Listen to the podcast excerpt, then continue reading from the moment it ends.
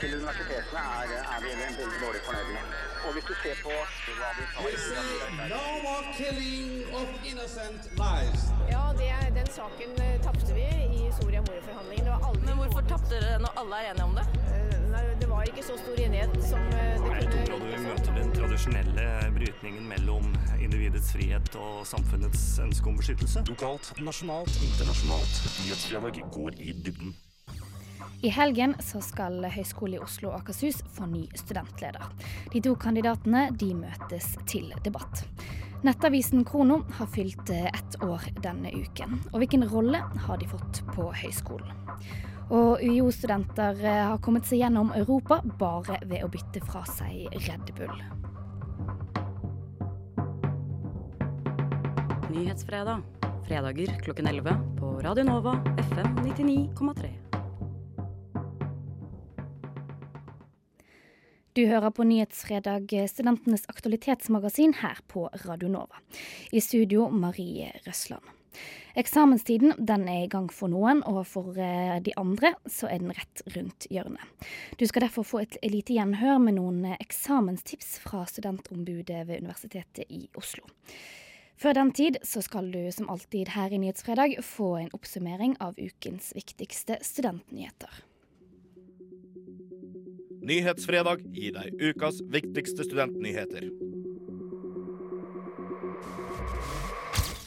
Oslo-studenter er ikke lenger verstinger på sabotasje. Studenter holder tilbake informasjon for andre studenter og vil ikke yte 100% i arbeidsgrupper, forteller en spørreundersøkelse Juristforbundet har gjort. Det er flere i Bergen og Tromsø som opplever studiemiljøet negativt, sier Vegard Lauvdal, leder for Juristforbundets studentseksjon til Dagens Næringsliv. En NTNU-student er siktet for drapsforsøk da mannen, en 30 år gammel iraner, skal ha angrepet en 40 år gammel mann med saks utenfor et campus på Gløshaugen i Trondheim. Det melder Adresseavisen. Offeret er skrevet ut fra sykehuset med lettere skader. Studentlederne på Høgskolen i Oslo og Akershus tjener mest penger i landet. Det er nettavisen Krono som har foretatt en undersøkelse om lønningene til studentpolitikerne, og på høyskolen tjener lederen 327 000 kroner i året. Pengene går delvis fra studentenes semesteravgift. Til sammenligning tjener studentlederen på Universitetet i Oslo nesten 100 000 kroner mindre i året. Vi skal representere studentene, og da er det viktig med å operere med samme økonomiske vilkår som studentene, sier Gabriel Gjerdseth, leder av studentparlamentet ved Universitetet i Oslo. Det var ukens viktigste studentnyheter. Mitt navn er Adrian Nyhammer Olsen.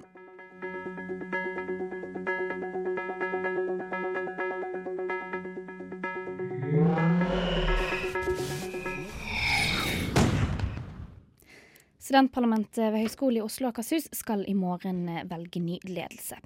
Og de to lederkandidatene de skal eh, møtes eh, til debatt her i Nyhetsfredag. Radio nå. Men nå skal vi over til eksamen. For mange er allerede i gang med eksamensperioden, og for de fleste andre så er den rett rundt hjørnet. Nyhetsfredag skal derfor gi deg et lite gjenhør med noen råd fra studentombudet ved Universitetet i Oslo. Jeg heter Marianne Høvarus Rustbergar og jeg er studentombud på Universitetet i Oslo. Eh, Jeg er en uavhengig bistandsperson for studenter som vil ha hjelp kanskje i enkeltsaker overfor universitetet. Når det kommer til eksamen, skal det hende at man har spørsmål om rettigheter, eh, eller man lurer på hva man kan gjøre hvis noe gikk galt på eksamen. Kanskje man fikk eh, feil oppgavesett, eller eh, kanskje man ble tatt for eh, fusk, eller mistenkt for fusk og lurer på hva som skjer videre, så kan man ta kontakt med meg. Så du er på en måte litt den man snakker med etter eksamen, kanskje? Kanskje. Kanskje. det er nok eh, det typiske, vil jeg si. Det jeg får noen saker i forbindelse med eksamen. Nå har jeg bare én eksamensperiode, siden jeg bare har vært i stillingen siden 1. februar. Men eh, jeg merker det at eh, det kan være en liten rushperiode. rush-periode. Det er helt greit. Men er det sånn at sånn to uker etter eksamen så kommer det en stresset løpende student inn her til deg og tror kanskje hun har gjort noe galt, eller noe sånt? Det kan hende. Gjerne så lurer man heller på hva som er rettighetene. Kanskje man ikke får eh, begrunnelsen sin. Eh, kanskje sensor har sagt at man kan ikke svare fordi man er på ferie. Hva gjør jeg nå? Um, ja, eller sånt hvis man har blitt mistenkt for fusk. Uh, hva gjør jeg nå? Jeg mente det ikke. Og så kan forklare og gå gjennom prosessen. Så er det jo um, Det er jo forskjellige ting. Og um, Du har jo også sånn Kan jo skje ting som kan sortere under formelle feil på eksamen. Og i verste fall så vil jo det føre til at man skal ta eksamen på nytt. Og da må man jo si fra om det man mener er en formell feil innen en frist. Det er tre uker. Så uh, kan enten ende med at man får en ny sensur av det man har levert, eller at eksamen arrangeres på nytt. Mm. Ja, for vi har jo eh, sett disse veldig fine Facebook-postingene. Ja. Om eh, Er du stresset til eksamen og, mm. og, litt sånn. Mm. Men det her er primært et sted studentene kan gå hvis det er noe med jussen i form av eksamen. Ja, det trenger ikke bare være det. Men det kan også være hvis man hadde en sensor som man mente ikke oppførte seg som man skulle. Man ville varsle om oppførselen. Kanskje man fikk noen kommentarer som ikke var snilt. Og så har man lyst til å si fra om sånne ting. Så det kan være flere ting. Det som sorterer under læringsmiljø, er jo også saker som jeg bistår i. da. Mm. Jeg har jo ikke avgjørelsesmyndighet, men jeg tilbyr min støtte og, og råd underveis hvis man vil si ifra. Mm. Så det er her man kommer når man er stresset etterpå? Det kan hende. Det kan hende. Mm. Døra er i hvert fall åpen, så jeg tar imot eh, alle typer henvendelser i utgangspunktet. Så skal jeg heller gi hjelp så godt jeg kan hvis det likevel var slik at man skulle et annet sted. Jeg ønsker jo alle studenter lykke til på eksamen, og så vil jeg jo råde til å sette seg inn i regler for kildebruk og um, hvilke hjelpemidler som er tillatt på eksamen, så man unngår en situasjon hvor man kan bli mistenkt for fusk. Jeg tror de fleste sånne fuskesaker handler om at man kanskje ikke har vært godt nok klar over hva som er reglene på forhånd. Men jeg ønsker alle sammen lykke til, i hvert fall. Og så får de komme innom her hvis det er noe. Det var reporter eh, Malini Breivega som hadde snakket eh, med studentombudet på Universitetet i Oslo. Nå skal vi snart over til en lederdebatt eh, her i Nyhetsfredag, men først skal du få Bendik Bakkås med I'll Be There For You. Radio Nova FM 99,3 og radionova.no. I morgen skal det velges eh, ny studentpolitisk ledelse ved Høgskolen i Oslo og Akershus.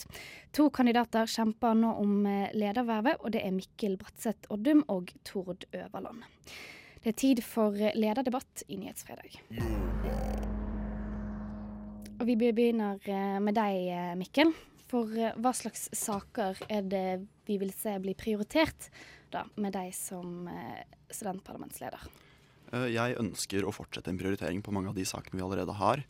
Hovedsakelig da se ferdig den saken som er oppe og går nå, med studentombud, som vi forhåpentligvis får igjennom på neste høyskolestyremøte eller høyskolestyremøte i juni.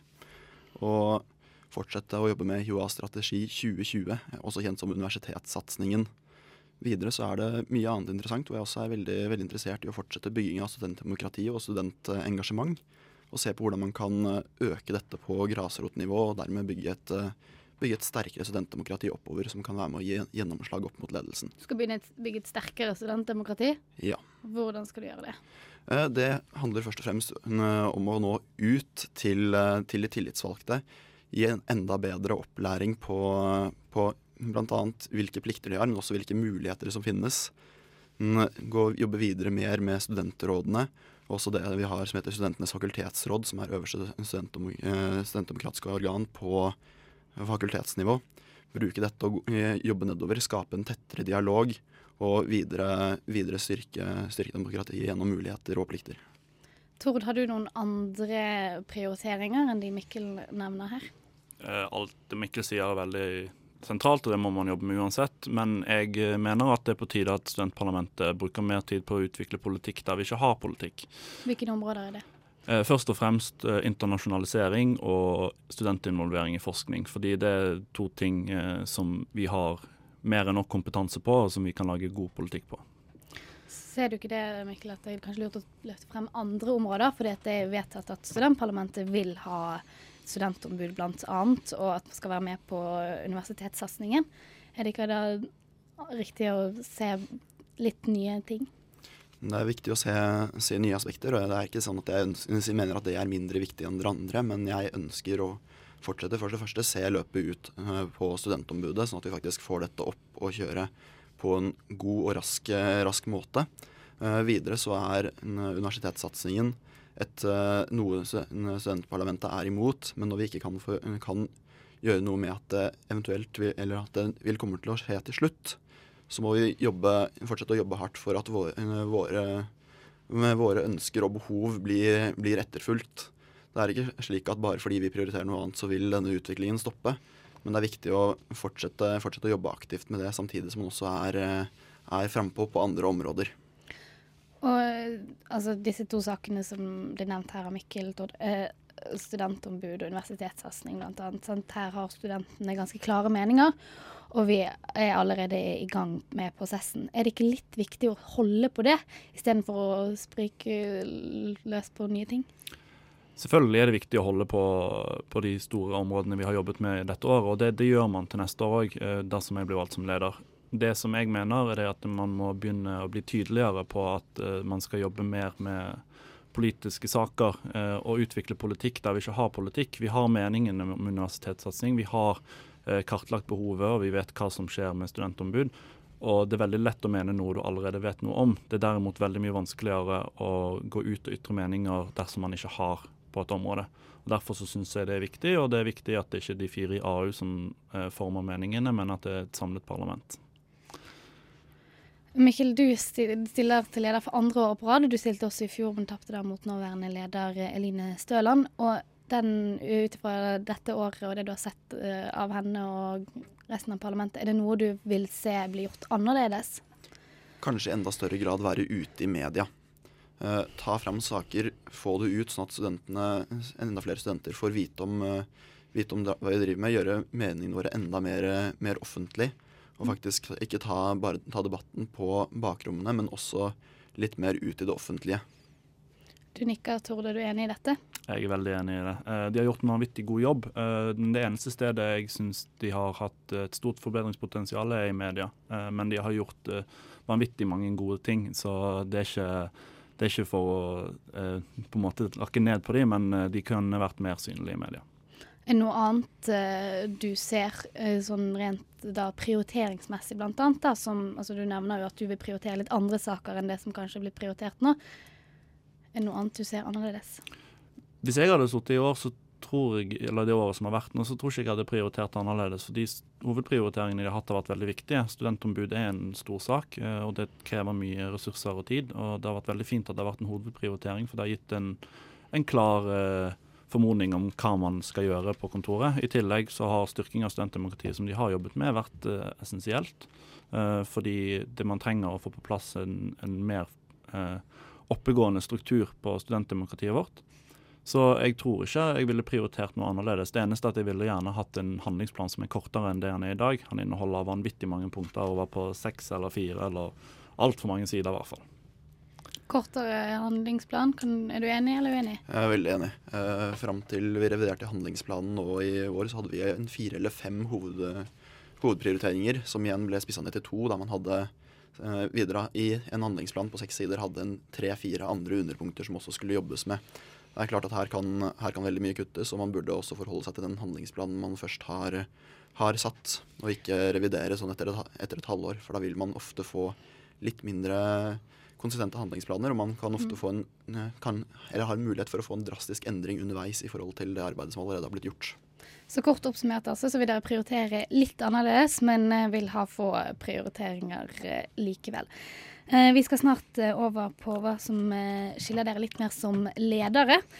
Du hører på Nyhetsfredag her på Radio Nova.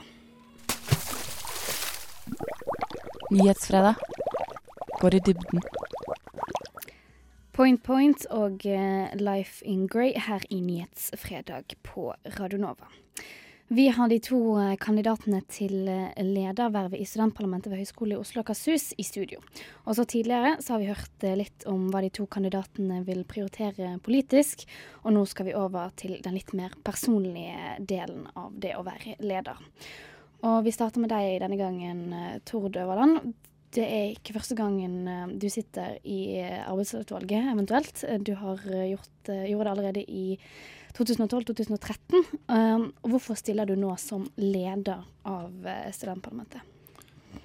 Det er mange grunner til at jeg har valgt å stille til leder. Jeg har vært lenge i tenkeboksen på om, om, det var det jeg ville gjøre det kommende året, og jeg falt til slutt til ro med det. Og det var blant annet det er noe med når du skriver bacheloroppgave om psykososialt læringsmiljø på høyskolen, og på forrige eksamen sitter og snakker om utvekslingspolitikken til Uganda eh, i forbindelse med internasjonalisering i, i, helse, i et helseperspektiv, så, så, er det helt klart at ergoterapi? Ja, jeg går siste år ergoterapi nå. Så, så, det er helt klart noe som uh, Helt klart noe der som eh, mangler. mangler. Takk for at du fullførte setningen min. uh, Mikkel, som nevnt tidligere, så stiller du for andre året på rad.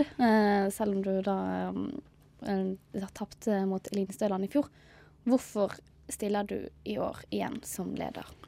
Rett og slett på, grunn av motivasjon, uh, troen på egne ferdigheter. Jeg har i løpet av siste året bygd, bygd, en vesentlig større studentpolitisk pondus enn jeg også hadde i fjor. Og jeg mener at, eh, mener at jeg vil kunne gjøre en utrolig god jobb som leder for studentparlamentet. Det er det å ønske å bidra med noe mer enn jeg gjør allerede nå. Og jeg føler at eh, som leder av studentparlamentet er den måten jeg vil kunne bidra mest og best på. Så du, studentpolitisk pondus, eh, det har vel dere ganske greit begge to. Uh, men hva er det som er, dere ser selv er deres sterkeste side? Vi kan begynne med deg denne gangen, Mikkel. Uh, problemløsninger. Uh, jeg elsker, elsker, utfordringer og liker å, liker å se etter løsninger, løsninger som er gode for, alle, god for, alle, parter. Kan godt si at jeg liker å, liker å gjøre, prøve å gjøre alle til lags. Men det er også, mener jeg også er en veldig god, god egenskap. Fordi man må man må ofte ta og se flere sider av samme sak. Og være, være pragmatisk og løsningsorientert og se på hva er det man kan, kan gjøre for, å gjøre at man, for at studentene kommer best mulig ut av denne situasjonen. Det, er, det mener jeg er min sterkeste side, og det er, det er rett og slett løsnings, løsningsfokuset. Mye erfaring med å løse problemer? Eh, jeg går på et studie der eh, vi stort sett har problembasert læring. Eh, og da er det, da er det veldig viktig å se, se løsningene på, på de oppgavene man har. Så det er eh, litt, litt eh, miljøskada fra studiet, kan man si. Um, Tord, uh, hva er en, uh, dine, da? Eller din sterkeste side? Min sterkeste side er at jeg er veldig flink til å få personene rundt meg til å gjøre en god jobb. Jeg har eh, en god leder, eller jeg vil ha en lederstil som sørger for å spille på alle sine styrker, og sørger for at man jobber tett sammen og, og, godt i et team, selv om det selvfølgelig vil være mye selvstendig arbeid. Så er jeg en person som er flink til å motivere de som er rundt meg, både andre AU-medlemmer og konsulenter og parlamentet for øvrig. Eh, det vil jeg si at er min sterkeste side. Eh, men uh, hva er det da en viktigste altså sånn Nå trekker dere frem deres sterkeste side, men en leder eh, av et studentparlament, hva er den viktigste egenskapen den innebærer, eller den viktigste jobben den skal ha, tror du?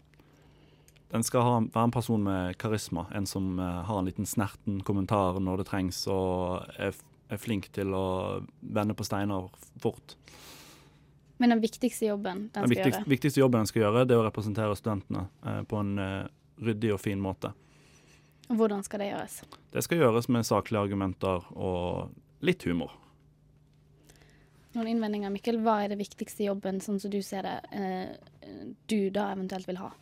Ja, det er som Tord sier, altså man er der på man er der for studentene og skal representere studentene på en god, god og saklig, saklig måte. Eh, videre skal man også være den, den på i stor grad den som er, ser personene, personene rundt seg ser, ser nytteverdien og mot, også motiverer for å skape et, eh, skape et større engasjement.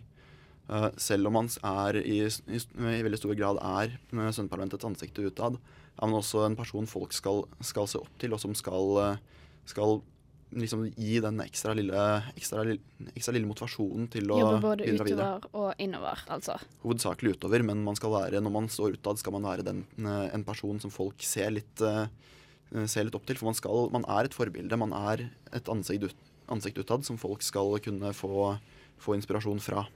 Men i går så var det utspørring av eh, hele, alle kandidatene til arbeidsutvalget, og da kom også valgkomiteen med en innstilling. Og her ble du, Tord, enstemmig innstilt som eh, leder. Hvorfor eh, har de vurdert deg som den beste kandidaten? Først og fremst har de hatt to gode kandidater å velge mellom. Eh, de, har valgt, de har nok valgt meg pga. min erfaring eh, og min eh, eh, refleksjon rundt på en måte hvor man skal i løpet av året, og at jeg har en klar og tydelig profil på hva som vil skje ved, etter et år. Mener du selv du er den beste kandidaten? Ja. Eh, Mikkel, du uh, Det er jo ikke en ukjent sak at uh, det er veldig vanskelig å gå mot, eller kan være vanskelig å gå mot en enstemmig innstilling. Hvorfor skal studentparlamentet likevel stemme på deg som sin nye leder? Fordi jeg er en uh, dyktig studentpolitiker med en utrolig rask læringskurve. Som er flink til, å, flink til å se personene rundt meg og motivere, motivere delegere ut ifra personers egenskaper og for, stå sammen med et arbeidsvalg og studentdemokratiet generelt om det arbeidet vi gjør. Er du den eh, beste kandidaten? Ja. Eh, da blir det spennende å se hva som eh, blir utslag, utfallet av morgendagens valg. Takk til dere, Mikkel Bratseth Oddum og Tord Øverland. Du hører på Nyhetsfredag her på Radio Nova, og vi skal snart reise til utlandet ved hjelp av en eh, koffeinholdig drikke. Nei, jeg syns det er eh, dårlig band, og så er det altfor dyrt. Og så holder jeg meg egentlig mest mulig unna alt som har med sosiale ting og samfunn og studenter å gjøre, egentlig. Nyhetsfredag gir deg studentlivet. Tre utvekslingsstudenter fra Universitetet i Oslo har reist gjennom Europa bare ved, å, ved hjelp av Red Bull-bokser.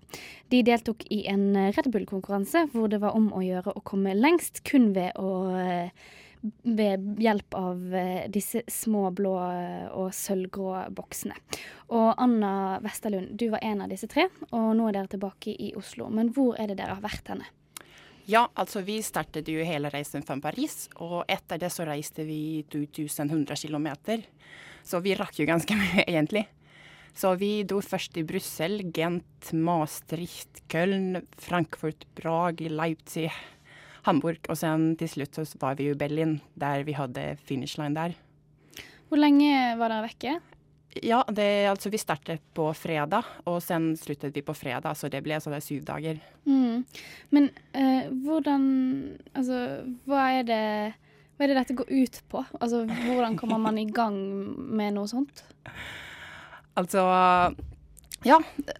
Det var de guttene som så bare reklame på dette her på nettet. Og sen spurte de hvis jeg ville be med, og da sa jeg bare ja på en gang. For det hørtes bare så utrolig ut. Men hvordan, er dere, hvordan har dere kommet dere rundt? Ja, altså I begynnelsen var det jo veldig vanskelig å tenke seg hvordan man kan gjøre det, men til slutt så var det bare at man, man måtte alltid spørre. Så vi, kom, altså vi gikk bare til folk og spurte, eller forklarte hva det var som vi holdt på med. Så forklarte jeg at det er en Red Bull-greie, og vi har ingen penger, vi har ingen mobil. Og at har dere noe som, de kan gi, som de, dere kan gi oss, om vi gir dere Red Bull? Så det var liksom det der som vi gjorde. Og hva fikk dere, da? Ja, det var jo det som vi levde på. Så man kan si alt. Mat. Sen eh, Ja, vi fikk også bo på hostell en natt. Bare mot Red Bull. Men eh, hva er det dere har spist og drukket underveis, da? Det ble jo veldig mye fast food, kan man si. Det ble mye pizza og pommes og sånn. Så dere hadde ingen penger da dere var i Paris? Nei. Hvordan, hva, hvilket fartøy brukte dere? Hvilket? Altså, Hvordan kom dere frem? Kjørte dere bil? Nei, altså vi måtte jo bruke så mange ulike transportmidler som vi kunne. Haiket? Ja, vi haiket veldig mye, for vi syntes det var veldig spennende. Og alle de menneskene vi møtte når vi haiket, det var liksom det beste. Og sen så var det mange som brukte tog, men det var ikke så lett fordi man måtte snakke med de billettinspektørene for, for å komme inn, for vi ville ikke bli Altså vi ville ikke få den der kontrollavgiften. Men sen så fant vi også folk i Belgium som ville kjøpe billetter åt oss. Så en dag så lyktes vi å skaffe ni billetter, hvilket var ganske utrolig.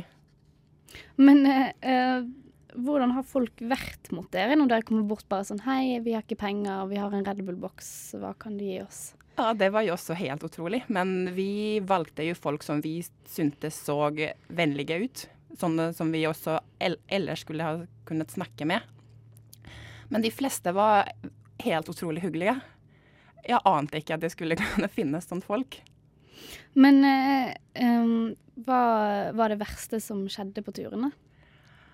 Ja, altså Det skjedde ikke noe veldig liksom skummelt eller noe sånt, men den verste stunden var nok da vi måtte ta oss ut av Leipzig. Og sen så var det veldig vanskelig å haike derfra, for autobanen lå veldig langt unna. Og sen så kom vi med på et tog til Magdeburg. Det var ingen som visste hvor det lå nå i stedet, men vi hadde kart med oss, og vi så at det var åt rett hold, for vi måtte ta oss til Hamburg den kvelden. Og sen kom vi dit. Det fantes ingenting der. Det var en sånn vanlig by. Og sen satte vi oss på en trikk mot autobahn der. Og sen så vi at kontrollantene kom inn der, og sen prøvde vi oss å komme ut. Og de fulgte med oss, naturligvis. Og sen, liksom, det var veldig vanskelig å forklare i begynnelsen at vi har ikke noe penger. Sen hotet de oss med bøter i 40 euro på lease. Og det var jeg, Vi har ingen penger. Og så viste vi fram passene våre, så det var jo italiensk, latviensk og finsk pass. Og så var det så der OK, 20 euro, ingen polis. Så, seriøst, vi har ingen penger. Men så ble de plutselig helt utrolig vennlige. Og bestemte seg for å hjelpe oss. Og så viste de oss fram til den rette trikken. Og sa bare at hold kjeft, bli med. Ta den her til sluttstasjonen, ta bussen derfra. Det er ingen som kommer til å spørre noe. Men hvis det ikke kommer til å kunne haike i kveld, sov ikke der, det er ikke trygt. Og sen så, så vi at det var mange som fikk betale der den trikken som vi satt på, så vi var veldig heldige der òg.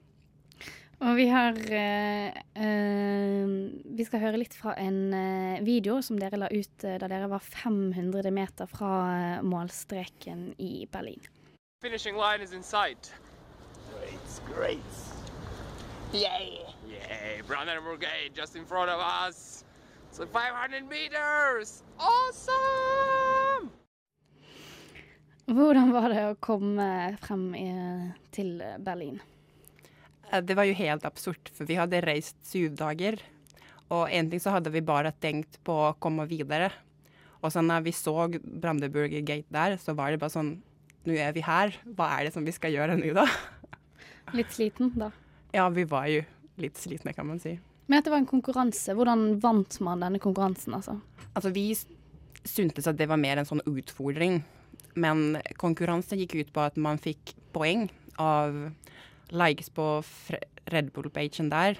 Og sen fikk man poeng for typ én poeng for én mil man reiste. Og ja, én poeng for én Red Bull man bytta. Og sen var det de som fikk flest poeng, vant det hele greien. Men det var et lag som hadde jeg vet ikke hvis det var 50 000 eller 70 000 likes på Red Bull-pagen. Så de hadde jo veldig bra reklame for det. Ja, Det er jo viktig å nevne at det først var en bra reklame for Red Bull, men dere har altså da byttet fra dere rundt 145 Red Bull-bokser. Vært i fem land og reist 2107 km, som da tilsvarer 15 km per boks. Jeg håper turen var bra. Takk til deg, Anna Westerlund, utvekslingsstudent fra Universitetet i Oslo og Red Bull-boksbytter.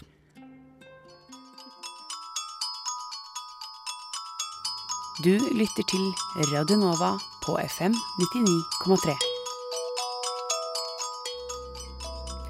Until we meet again, Palmface. Du hører på Nyhetsfredag her på Radio Nova. Nå skal det dreie seg om et annet medium enn Radio Nova. For litt over et år siden så ble den uavhengige nettavisen Krono opprettet. Og den gang sa redaktør Tove Li følgende her i Nyhetsfredag. Krono er oppretta, ettersom jeg har skjønt, etter et ønske Det har vært et ønske lenge hos mange på skolen. Høgskolen i Oslo og Akershus har jo eh, den største og kanskje den aller viktigste journalist- og medieutdanningen nå. Så det skulle bare mangle om man ikke skulle ha en uavhengig mm, avis. Så har det jo vært en fusjon mellom Akershus og Oslo, og da har ideen kommet opp om en eh, nettavis, og nå er vi her. Velkommen eh, tilbake til deg, redaktør i Krono Toveli, og ikke minst eh, gratulerer. Tusen takk. Hvordan har det første året med Krono vært? Det har vært kjempegøy. En sann uh, svir, vil jeg si da. Sånn, sånn redaksjonelt og redaktørmessig. Bare det å få lov til å lage en helt ny avis ifra bånn. Um, både redaksjonelt og utseendemessig og alt. Har, det har vært veldig bra og gøy. For eh, dere har eh, allerede rukket å blitt berømt, bl.a. for designet deres, og fått kanskje eh, ganske Eller gått frem ganske mange kritiske saker. Har du et spesielt høydepunkt du vil trekke frem? Eh, av kritiske saker, eller eh, generelt? Ja, nei, men vi har hatt mange høydepunkt, det er jo det som har gjort at det har vært veldig gøy, da. Um, og de, altså, Selv om det er designpriser og ikke går på innhold, så er jo selvfølgelig å få nordisk og skandinavisk eh, pris i konkurranse med alle de store dagsavisene og mediehusene i hele Skandinavia, er jo kjempegøy. Så det var en skikkelig opptur. Så, og den aller mest leste saken uh, som uh, Krono har hatt, det er uh, Per Fugli sitt foredrag om, og, og, om at man må ha mer mot i akademia til å kritisere og være frampå. Det er òg bra, for lenge, lenge, så var det noen sånne sexsaker fra studentene som lå på topp, så nå er jeg veldig glad for at det er seriøse ting leserne våre aller helst vil ha. Og med oss på telefon så har vi også Frode Eika Sandnes, som er prorektor for forskning eh, ved HiO. Og hva er det du tenker om eh, arbeidet Krono har gjort eh, hittil? Jeg syns Krono har fått til veldig mye. Uh, først og fremst så har det jo blitt mer gøy på campus, tenker jeg. I og med at alle vet litt mer om hva som skjer på forskjellige arenaer. Um, og, og å tenke fram et par ting. Det ene er at de har, har, greid å gjøre spørsmål og saker som egentlig er gørr kjedelige, og gjort de veldig morsomme. Um, en annen ting er at de har greid å, å løfte frem og synliggjøre enkeltpersoners aktiviteter og tiltak, og det, det tror jeg er veldig viktig. Og så har de jo, eh, som dere har påpekt her, greid å, å eller Krona har greid å få nasjonal oppmerksomhet rundt eh, både HiOA og, og, enkelte viktige saker. Og for um, Da du var inne her for et år siden, Tove, så snakket uh, du uh, litt om hvordan dere skulle bygge opp den rollen som en kritisk og uavhengig nettavis. Jeg tror vi skal bare høre litt på det. For det første er det et nytt navn, en ny avis, en ny publikasjon. altså Folk må bli kjent med oss, bli trygge på oss. At vi behandler folk ordentlig når vi både intervjuer dem og de får komme på trykk og, altså med, med kommentarer òg. Sånn jeg, jeg, skal si at vi opprettholder, men at vi, vi, skal utvikle og videreutvikle. Og jeg håper virkelig at det skal bli mange som kaster seg på, mange som har lyst til å mene ting og veldig, veldig gjerne studenter. Eh, vi trenger et eh, aktivt og engasjert eh, miljø for studentdebatt. Seriøs og konstruktiv studentdebatt også. Har dere lyktes med å bli en kritisk og uavhengig og engasjerende nettavis? Eh, ja, vi er jo det. Um, men vi er jo ikke bare det. Altså, Vi har jo en stor bredde på saker. da. Det, vi lagde jo en akkurat en oppsummering nå. De mest leste sakene våre det første året. Og da er det veldig stor bredde på. Alt fra de mer større kritiske og avsløringer og, og kritikk om pengebruk og, og, interne forhold på skolen, men òg eh, reportasjer, intervjuer, eh, testing av kantiner og, og studentpolitikerne og alt det. Eh, men jeg, skulle, jeg ønsker meg fortsatt mer aktive studenter i debatten. Det er stort sett eh, ansatte som eh, skriver i, kommentarfeltene hos oss, og skriver kronikker og sånn. Så der uh, har vi en jobb å gjøre for å treffe enda flere studenter. Da dere hadde fylt eh, år, på tirsdag, så skrev styreleder i Krono, Birgitte Kjos Fond, at avisen bl.a. har irritert. Og Frode, har avisen skapt hodebry for ledelsen på høyskolen? det er jo klart at litt hodebry er det, men altså eh, ledere og, og, og, og høyskolen står ofte i, i, eh, i vanskelige saker hvor det er spenninger, man, man har dilemmaer. og ledere må ofte ta upopulære beslutninger. Og, det er nok helt klart at noen av ledere har opplevd enkelte saker som, som krevende. Men, men, jeg tror det er veldig sunt. fordi jeg tror det er, Da, da må vi skjerpe argumentasjonen. Um, og det vil føre til bedre kvalitet, tenker jeg. altså. Og og eh, jeg tror eh, Krono bidrar til at vi får litt mer åpenhet. Så må jeg si at jeg syns at, eh, at Krono har også, spesielt på debattsider og sånn, har virkelig utført sin rolle som ansvarlig moderator på en god måte. De har rydda opp når det har vært uh, usaklige innlegg og ting som er på kanten, gått inn og, og gjort en jobb der. Tove, du hadde en kommentar. Har Ja. det vært hodebry?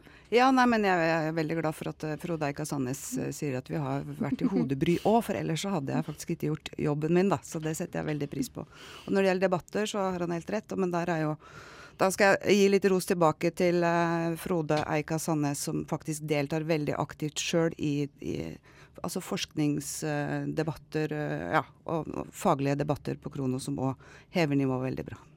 Men Frode, hva slags rolle ser du at eh, Krono har fått da på høyskolen? Altså hvilken, hvilket rom er det de fyller?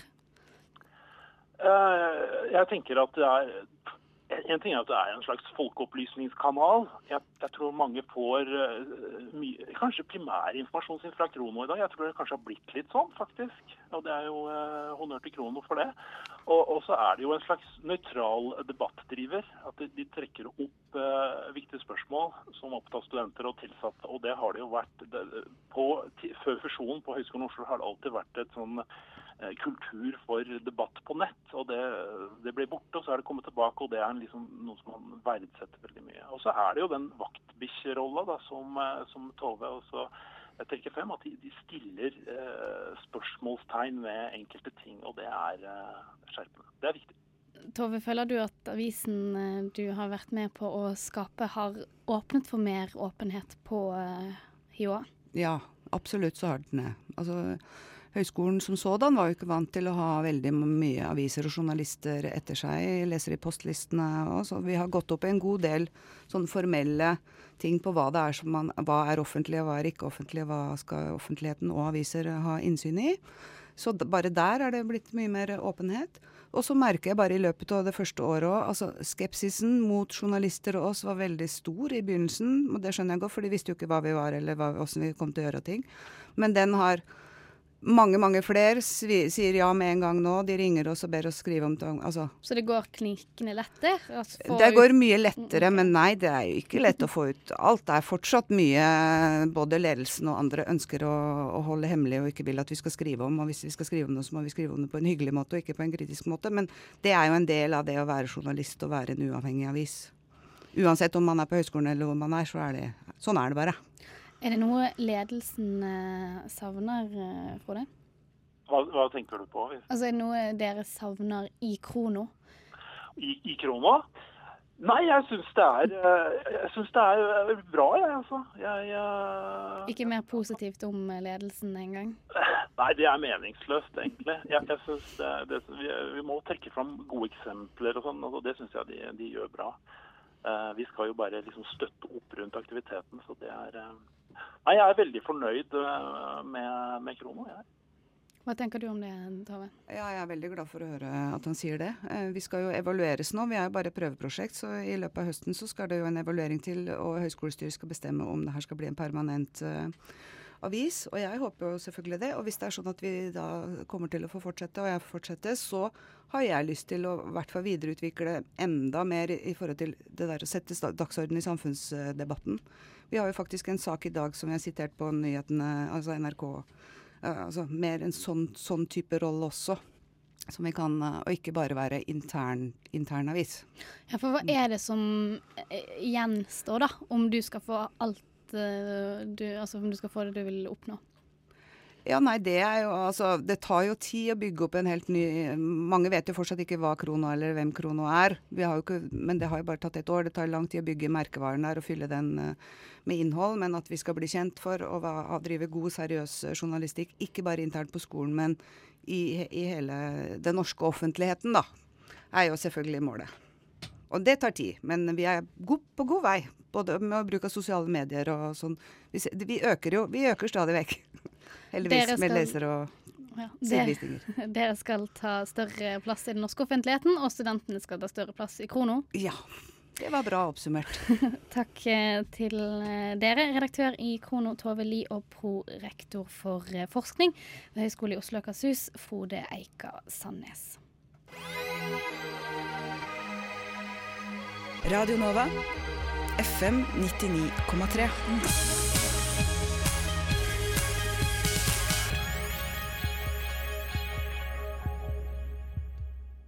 Fra en redaktør til en annen. Nå skal vi til vår redaktør, Erlend Bluflaten.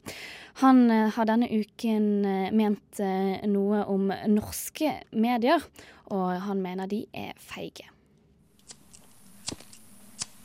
Skummelt, farlig og en inngangsport til et kriminelt liv, mener noen. Avslappende kultur og en ikke-sak, mener andre. Hasj er et hett tema, og debatten ser ikke ut til å gjøre noe annet enn å fremme at noen er mot, og at noen er for legalisering. Argumentene fra begge sider av leiren har vi hørt i flere år allerede. De gjør deg dum og sløv, mens motpolen trekker frem en naturlig smertelindrende effekt, for å nevne noe.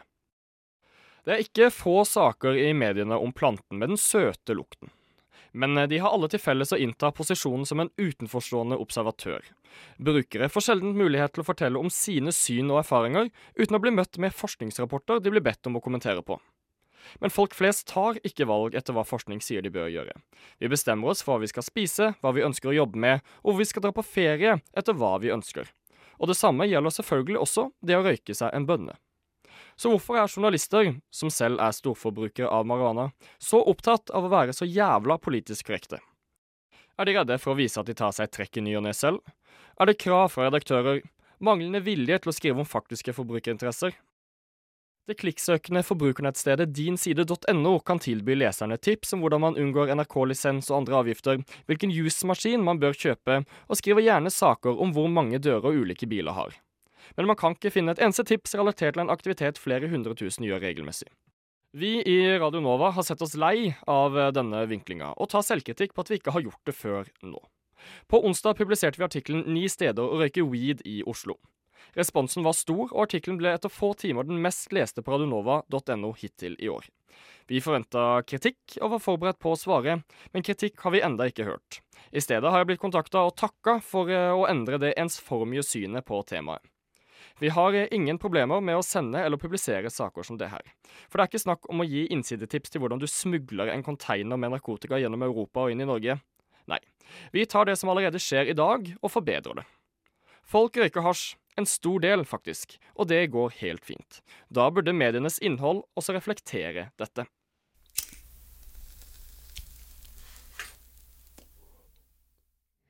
Mer hasj i norske medier, var altså budskapet fra vår redaktør Erlend Buflaten. Han har siste ordet i Nyhetsfredag eh, for i dag, og eh, vi er tilbake neste fredag. Men allerede på onsdag så får du mer eh, studentsaker her på kanal, da i vårt debattprogram Emneknaggen. Bidragsyter til denne sendingen har vært Adrian Nyhammer Olsen og tekniker Anders Tviberg. Mitt navn det er Marie Røsland. Takk for at du hørte på. Ha en fin fredag. Nyhetsfredag. Fredager klokken 11 på Radio Nova FM 99,3.